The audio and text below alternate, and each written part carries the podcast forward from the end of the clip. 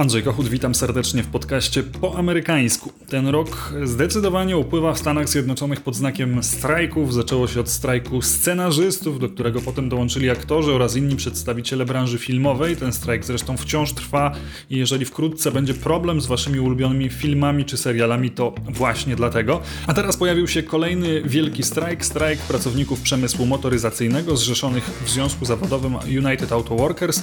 Strajk dotyczy trzech największych amerykańskich amerykańskich producentów samochodów, e, czyli oczywiście Forda, General Motors i Stellantis, do którego należy na przykład Chrysler. Mamy więc do czynienia ze strajkiem, jakiego przemysł motoryzacyjny w USA nie widział od dekad, a ten strajk może się jeszcze znacząco powiększyć. O co w nim chodzi? Postaram się to nieco rozjaśnić w tym odcinku. Zapraszam do słuchania. Podcast po amerykańsku, którego właśnie słuchacie, powstaje dzięki słuchaczom takim jak wy. Jeżeli chcielibyście wesprzeć powstawanie kolejnych odcinków, jeżeli podoba wam się to, czego słuchacie, może jesteście słuchaczami podcastu po amerykańsku już od jakiegoś czasu, to jest taka możliwość patronite.pl ukośnik po amerykańsku pisane razem. Każda wpłata się liczy i każda wpłata przybliża mm, do celu podcast po amerykańsku. Tym celem jest oczywiście mm, dotrwanie do wyborów w 2024 roku, a kto wie, może i dalej. patronite.pl ukośnik po amerykańsku. Znane porzekadło mówi, że jak nie wiadomo o co chodzi, to oczywiście chodzi o pieniądze i rzeczywiście to oczekiwania strajkujących są na pierwszym planie i są one niemałe, bo pracownicy branży motoryzacyjnej spodziewają się wzrostu wynagrodzeń nawet o 40% w ciągu najbliższych lat, do tego waloryzacji e, tych wynagrodzeń o inflację co roku, do tego większej ilości płatnego urlopu, do tego powrotu tradycyjnych emerytur, a może jeszcze skrócenia czasu pracy bez zmniejszania wynagrodzenia, czyli na przykład czterodniowego tygodnia pracy. Aby lepiej zrozumieć czemu te żądania mają aż taką skalę, czemu wydaje się pracownikom branży motoryzacyjnej, że mogą aż tak znacząco polepszyć swoją sytuację. Żeby to zrozumieć, trzeba sięgnąć do historii amerykańskiej motoryzacji, motoryzacji, która była kiedyś jedną z sił napędowych amerykańskiej gospodarki i na której oczywiście wyrosło piękne miasto Detroit, obecnie zmagające się z własnym upadkiem. Branża motoryzacyjna w Stanach Zjednoczonych zaczęła przeżywać pierwszy poważny kryzys w drugiej połowie lat 70. ze względu względu na szoki naftowe wywołane coraz bardziej asertywną polityką państw bliskowschodnich, które postanowiły bardzo znacząco podnieść ceny tego kluczowego dla motoryzacji paliwa i w związku z tym bardzo paliwożerne amerykańskie cuda motoryzacji przestały być aż tak atrakcyjne. Dodatkowo coraz częściej konsumenci zaczęli narzekać na ich awaryjność. Te amerykańskie samochody psuły się znacząco częściej niż ich bardzo poważna konkurencja, która wyrosła im mniej więcej w tamtym czasie w postaci samochodów japońskich niezawodnych, zużywających mniej paliwa, paliwa i w ogóle tańszych w eksploatacji. E, to oczywiście spowodowało, że amerykański e, przemysł motoryzacyjny zaczął się borykać z poważnymi problemami. Na początku jeszcze prawdopodobnie ratowała go pewna lojalność amerykańskich konsumentów. E, sam pamiętam, że słyszałem takie historie od starszych Amerykanów, którzy opowiadali, jak na ich ulicy, w ich sąsiedztwie po raz pierwszy pojawił się japoński samochód. Na początku miało to w sobie coś ze skandalu, ze zdrady narodowej, że ktoś zdecydował się nie kupić kolejnego Forda, ale na przykład Toyotę, no ale z czasem sąsiedzi przekonywali się, że ta Toyota e, w efekcie kosztuje sąsiada mniej, no bo rzadziej stoi w warsztacie, zużywa mniej paliwa i w ogóle być może warto się na nią przesiąść. Te samochody japońskie mogły być zresztą tańsze od amerykańskich, ponieważ e, w koszty amerykańskich samochodów wliczone były wysokie koszty zatrudnienia w amerykańskich fabrykach, a te koszty były tak wysokie właśnie ze względu również na skuteczną działalność związków zawodowych, które wywalczyły swoim pracownikom bardzo dobre warunki, no ale spowodowały też, że amerykańskim samochodom trudno było konkurować e, cenowo z producentami japońskimi. Zaczęły się więc takie bardzo chude lata amerykańskiej motoryzacji i w obliczu tej coraz gorszej sytuacji finansowej, gdzieś na początku lat 2000 udało się e, przedstawicielom tych największych motoryzacyjnych korporacji przekonać związki zawodowe do szeregu ustępstw. Przede wszystkim do znacznego obcięcia tego minimalnego wynagrodzenia, które proponowały zakłady motoryzacyjne, ale także do rezygnacji z takich klasycznych emerytur. Bo w amerykańskim systemie tradycyjnie było tak, że oczywiście z jednej strony e, część emerytury w ramach tego Social Security wypłacało państwo, ale z drugiej strony była ta właściwa emerytura, którą oferował zakład pracy. Działało to w ten sposób, że ktoś najczęściej pracował przez większość swojej kariery, jeżeli nie przez całą w tym jednym ważnym zakładzie produkcyjnym, a później ten zakład produkcyjny aż do śmierci wypłacał mu rodzaj świadczenia socjalnego. To oczywiście generowało olbrzymie koszty po stronie pracodawców i oni bardzo chętnie chcieli się tego pozbyć, w związku z czym pojawiła się taka forma, która nieco przypomina mm, to, co u nas nazywa się pracowniczymi planami kapitałowymi, czyli z jednej strony mm, każdy z pracujących oszczędza trochę ze swojego wynagrodzenia, z drugiej strony pracodawca dopłaca mu powiedzmy drugie tyle, te pieniądze pracują, są gdzieś inwestowane mm, i później trafiają do tego pracownika w momencie, kiedy przechodzi on na emeryturę. To rozwiązanie w Stanach Zjednoczonych nosi nazwę 401k ze względu na sekcję prawa podatkowego, która właśnie do tego rozwiązania się odnosi.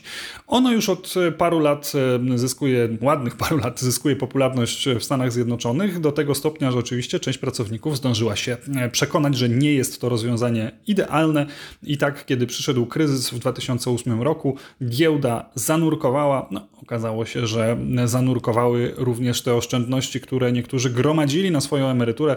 Taki czarny dowcip z tamtego czasu głosił, że z 401k zrobiło się 201k, bo połowa zgromadzonych oszczędności nagle wyparowała.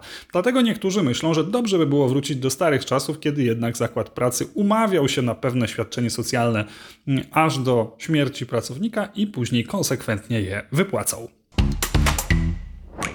Związek Zawodowy United Auto Workers uznaje, że nadszedł bardzo dobry czas, żeby domagać się przywrócenia tych świadczeń, które kiedyś pracownicy branży motoryzacyjnej otrzymywali, ponieważ e, ta sytuacja sprzed 20 lat się zmieniła. Wtedy branża motoryzacyjna w Stanach Zjednoczonych przeżywała bardzo duży kryzys, później ten kryzys jeszcze się pogłębił w związku z e, kryzysem finansowym. Te korporacje przetrwały, korporacje motoryzacyjne, również dzięki pomocy amerykańskiego państwa. I dziś United Auto Workers uznaje, że ponieważ e, właśnie czy GM, czy Ford, e, czy Stellantis wyszły na prostą, udaje im się generować spore przychody, prezesi przyznają sobie wzrosty, czy zwiększają swoje wynagrodzenia, e, to również pracownikom te wynagrodzenia mogłyby zostać e, zwiększone. United Auto Workers liczy około 400 tysięcy członków działających w ramach około 600 lokalnych związków zawodowych. Na ten moment oczywiście nie wszystkie siły związkowe zostały rzucone do tego strajku. Ten strajk celowo jest ograniczony do trzech zakładów produkcyjnych, po jednym z każdej dużej korporacji. Dotyczy około 13 tysięcy pracowników, więc chodzi o spowodowanie pewnego bólu, spowodowanie, by te wielkie korporacje zechciały się pochylić nad problemem, które, problemami, które trapią pracowników, ale z drugiej strony e, nie chodzi też o to, żeby tą branżę motoryzacyjną wykoleić, by spowodować, że ona znowu wróci do tej sytuacji sprzed powiedzmy 20 lat. Pracownicy jednak również związki zdają sobie sprawę z tego, że no, ta branża musi się utrzymać, żeby móc im te większe świadczenia i większe wynagrodzenia zapłacić. Ale jeśli zastanawiamy się nad e, przyczynami, dla których e, ci e, związkowcy z United Auto Workers zdecydowali się strajkować właśnie teraz, no to oprócz dobrej sytuacji branży motoryzacyjnej należy też zwrócić uwagę na kwestie polityczne. W Białym Domu jest dzisiaj prezydent Biden, prezydent, który wielokrotnie podkreślał, jak bardzo jest prozwiązkowy. Chyba chciałby nawet uchodzić za najbardziej prozwiązkowego prezydenta od czasów Franklina Delano Roosevelta. No i w tym United Auto Workers węszą pewną szansę. No bo jeżeli Bidena w przyszłym roku czekają wybory jeżeli będzie on musiał udowodnić wyborcom, że właśnie ta jego prozwiązkowość to nie tylko retoryka, ale również próba realnych działań, to można wywrzeć presję na Bidena, by on z kolei wsparł starania związkowców. Zresztą United Auto Workers bardzo wyraźnie gra tą kartą, wycofując swoje poparcie dla Joe Bidena, oczywiście w sytuacji, kiedy większość związków zawodowych zdecydowanie prezydenta popiera, uznając, że alternatywa w postaci republikańskiego prezydenta, na przykład Donalda Trumpa, będzie wybitnie dla nich niekorzystna. Ale jest jeszcze trzeci czynnik obok e, tego finansowego i politycznego, o którym trzeba powiedzieć trochę więcej. United Auto Workers doprowadziło do strajku w momencie, który jest transformacyjny dla całej branży motoryzacyjnej. Chodzi oczywiście o zwrot w kierunku samochodów elektrycznych, powiedzmy sobie umownie elektryfikację tej branży. Większość amerykańskich firm wyczuła, że ten trend będzie narastał, widzi rosnącą konkurencję ze strony Chin, widzi znakomite wyniki finansowe Tesli i w związku z tym chce również inwestować w tym kierunku, żeby nie obudzić się jak niegdyś Nokia w świecie smartfonów. Ostatnio zresztą widziałem taką publikację, która pokazuje, że wszystkie firmy do jakiegoś stopnia obawiają się tego trendu, te firmy, które do tej pory dominowały w branży motoryzacyjnej. Publikacja dotyczyła paniki w Toyocie, która przez lata uchodziła za bardzo innowacyjną markę, zwłaszcza jeżeli chodzi o silniki hybrydowe, ale nie do końca podjęła temat samochodów elektrycznych i dziś wyraża, wyrażają, wyraża kierownictwo te, tego koncernu obawy, czy aby nie została w tyle za konkurencją, która wcześniej zaczęła w samochody elektryczne inwestować. Amerykańskie marki poszły tą drogą zdecydowanie i dzięki temu obok takich bardzo typowych samochodów elektrycznych, rodzinnych, miejskich, obserwujemy takie cuda jak elektryczny Mustang czy elektryczny Ford F-150, czyli potężny pick-up, na ogół marzenie farmerów z amerykańskich prerii, ale w tym wypadku chodzi o samochód elektryczny. Ten pęd amerykański w kierunku elektryków oczywiście jeszcze się nasilił e, nie tylko wraz z rosnącą popularnością Tesli, która dominuje na amerykańskim rynku dzisiaj, jeżeli chodzi o samochody elektryczne, ale też w związku z polityką Joe Bidena, który w ramach e, swoich największych reform, czyli Infrastructure Act czy Inflation Reduction Act, e, położył na stole rozmaite zachęty, które mają pokazywać, że amerykańskie państwo będzie nie tylko inwestować w infrastrukturę, która ułatwi korzystanie z samochodów elektrycznych, ale też będzie wspierała tych producentów, którzy szybciej mm, będą się starali przekształcać swoje zakłady produkcyjne właśnie w kierunku e, produkcji samochodów elektrycznych. Więc te nowe modele samochodów elektrycznych e, będą powstawały pewnie w coraz większych ilościach. Będą musiały powstawać kolejne i kolejne fabryki produkujące podzespoły do tych samochodów i składające te podzespoły w całość. Czego zatem obawiają się pracownicy branży motoryzacyjnej, skoro tej pracy powinno być teoretycznie więcej w najbliższym czasie? I tutaj dochodzimy do zagadnienia, które jest bardzo typowe dla amerykańskiego rynku pracy, co zresztą nosi bardzo mylącą nazwę prawa do pracy, right to work. Nie chodzi o jakiś socjalistyczny przepis, który dawałby każdemu Amerykaninowi prawo do bycia zatrudnionym. O nie, nie. Przeciwnie, chodzi o przepisy, które są raczej antysocjalistyczne. Mówiąc krótko, chodzi o to, że w konkretnych stanach, które uchwaliły takie przepisy, pracownicy nie są zobowiązani do przynależności do związków zawodowych, nawet jeżeli takie są w ich zakładzie pracy, i nie muszą uiszczać żadnych składek nie będąc w związku, za bycie reprezentowanym przez właśnie te związki. Bo w Stanach Zjednoczonych obowiązuje wciąż ustawa Tafta-Hartleya e, z 1947 roku, która stanowi, że nikt oczywiście nie może być przymuszony do przynależności do związku zawodowego, ale może zostać ustalona pomiędzy pracodawcą a związkiem zawodowym taka zasada, która zobowiąże tych, którzy nie są członkami związku zawodowego, by uiszczali rodzaj składki na rzecz tego związku. E, części stanów, tych bardziej konserwatywnych, to się nie podobało, w związku z tym uchwalili przepisy, które dają większą wolność w tym zakresie, to znaczy nie tylko nie trzeba być w związku, ale też nie trzeba na ten związek płacić. Skutek jest taki, że w tych stanach, które owo, owo prawo do pracy uchwaliły, e, pracownicy najczęściej zarabiają mniej, mają gorsze warunki zatrudnienia, ale w związku z tym są też e, bardziej korzystne te stany dla e, pracodawców, ponieważ mogą tam wypracowywać większe zyski. No i oczywiście szybko okazało się, że jeżeli na przykład zagraniczne koncerny motoryzacyjne lokują swoje e, zakłady produkcyjne w Stanach Zjednoczonych, to wybierają przede wszystkim te stany, gdzie prawo do pracy obowiązuje. Wszelkie próby powołania związków zawodowych, które oczywiście są legalne również w tych stanach, w zakładach produkcyjnych, które powstały w Stanach z prawem do pracy, kończą się najczęściej niepowodzeniem, są zdecydowanie sabotowane przez te korporacje, w których te związki zawodowe miałyby powstać. Często te korporacje sięgają nawet po bardzo profesjonalne zewnętrzne firmy, które robią wszystko, by uniemożliwić powstawanie związków zawodowych. I tu wracamy do historii z United Auto Workers i e, strajkami. Zakłady Forda, GM czy Stellantis znajdują się przede wszystkim w tych bardziej uzwiązkowionych stanach, takich jak Michigan, gdzie leży właśnie Detroit, gdzie te koncerny mają swoje główne siedziby.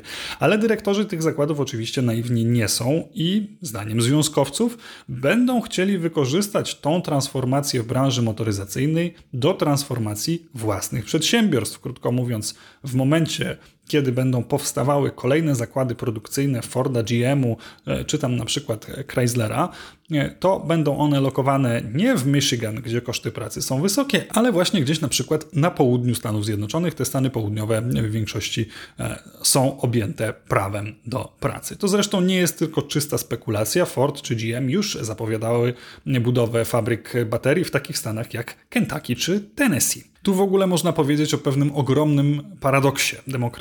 Administracja Joe Bidena zaproponowała szereg reformatorskich w zasadzie zachęt finansowych, by pobudzić produkcję aut elektrycznych i te zachęty rzeczywiście zadziałały. Ta branża motoryzacyjna w Stanach Zjednoczonych dosyć mocno przerzuciła się e, na projektowanie i produkowanie samochodów elektrycznych, ale e, największe zyski z tych inwestycji, które właśnie są podejmowane, e, pojawiają się w Stanach, w których rządzą republikanie. Ci sami republikanie, którzy tym rozwiązaniom się sprzeciwiali.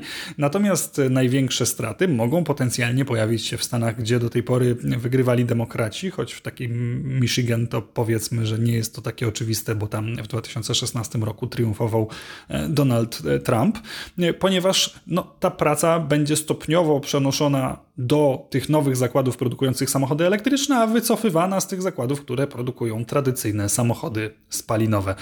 Tego zresztą administracja nie przeoczyła i już w tej chwili stara się oferować zachęty, które sprawią, że firmy przynajmniej mają sprawić, że firmy będą nie tylko budowały nowe zakłady produkcyjne, ale też modernizowały te już istniejące w Stanach Uzwiązkowionych, tak by tam również były produkowane samochody elektryczne. Związkowcy z United Auto Workers mają więc poczucie, że to jest być może ostatni moment, by położyć wielkim korporacjom z Detroit nóż na gardle i odwrócić niekorzystny dla nich e, trend. Istnieje jednak poważna obawa, że nawet jeśli osiągną ten krótkoterminowy sukces w postaci na przykład podwyżek, to zresztą korporacje do jakiegoś stopnia zamierzają przyjąć pytanie tylko na jaką skalę, e, to ten sukces może mieć dwa negatywne skutki w przyszłości. Po pierwsze, może utrudnić amerykańskim markom konkurowanie z innymi, którzy produkują chociażby na terenie Stanów Zjednoczonych e, i to w tym wyjątkowo trudnym okresie, kiedy one muszą dokonać e, dużej transformacji, już ją podjęły, podjęły pewne inwestycje i teraz muszą jakoś na nich zarabiać. E, druga sprawa to kwestia kolejnego czynniku, który może zachęcać duże korporacje z branży motoryzacyjnej do otwierania kolejnych fabryk z dala od związków w Stanach z prawem do pracy. Oczywiście to pokazuje wyraźnie, że rozwiązaniem mogłoby być ujednolicenie zasad w całych Stanach Zjednoczonych, na przykład poprzez e, narzucenie zasady o przynależności do związku albo obowiązku opłaty na jego rzecz na terenie całego kraju, czyli likwidacja tego prawa do pracy.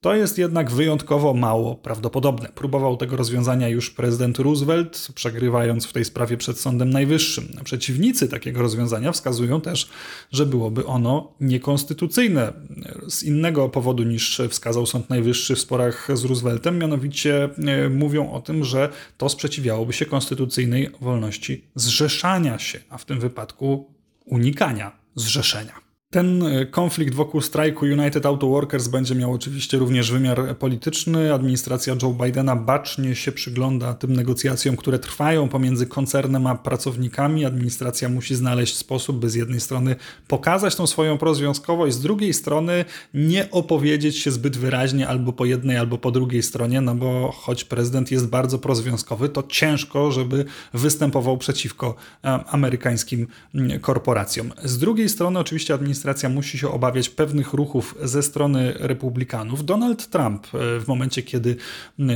nagrywam ten odcinek, jest już zapowiedź, wybiera się, by odwiedzić strajkujących. Czy wszystkich strajkujących zobaczymy? Pewnie wybierze taką publiczność, która będzie mu najbardziej sprzyjająca. Niewątpliwie Donald Trump chciałby się pokazać jako pro-pracowniczy, czy taki bardziej ludowy kandydat i to pewnie postara się zrobić. Oczywiście trudno mu będzie przedstawić się jako kandydat prozwiązkowy, bo akurat w tym zakresie republikanie mają długą historię sprzeciwiania się uzwiązkowieniu amerykańskich zakładów pracy i raczej trudno sobie wyobrazić, by nawet z powodów kampanii wyborczej 2024 roku Donald Trump tą republikańską tradycję zamierzał odwrócić. I to wszystko na dzisiaj. Bardzo dziękuję za wysłuchanie tego odcinka po amerykańsku. Jeżeli on się Wam podobał, to oczywiście niezmiennie zachęcam do subskrybowania, do śledzenia podcastu na tych platformach, na których lubicie go śledzić i oczywiście do wspierania podcastu po amerykańsku e, na, e, w serwisie patronite, patronite.pl ukośnik po amerykańsku pisane razem. Andrzej Kochut, do usłyszenia.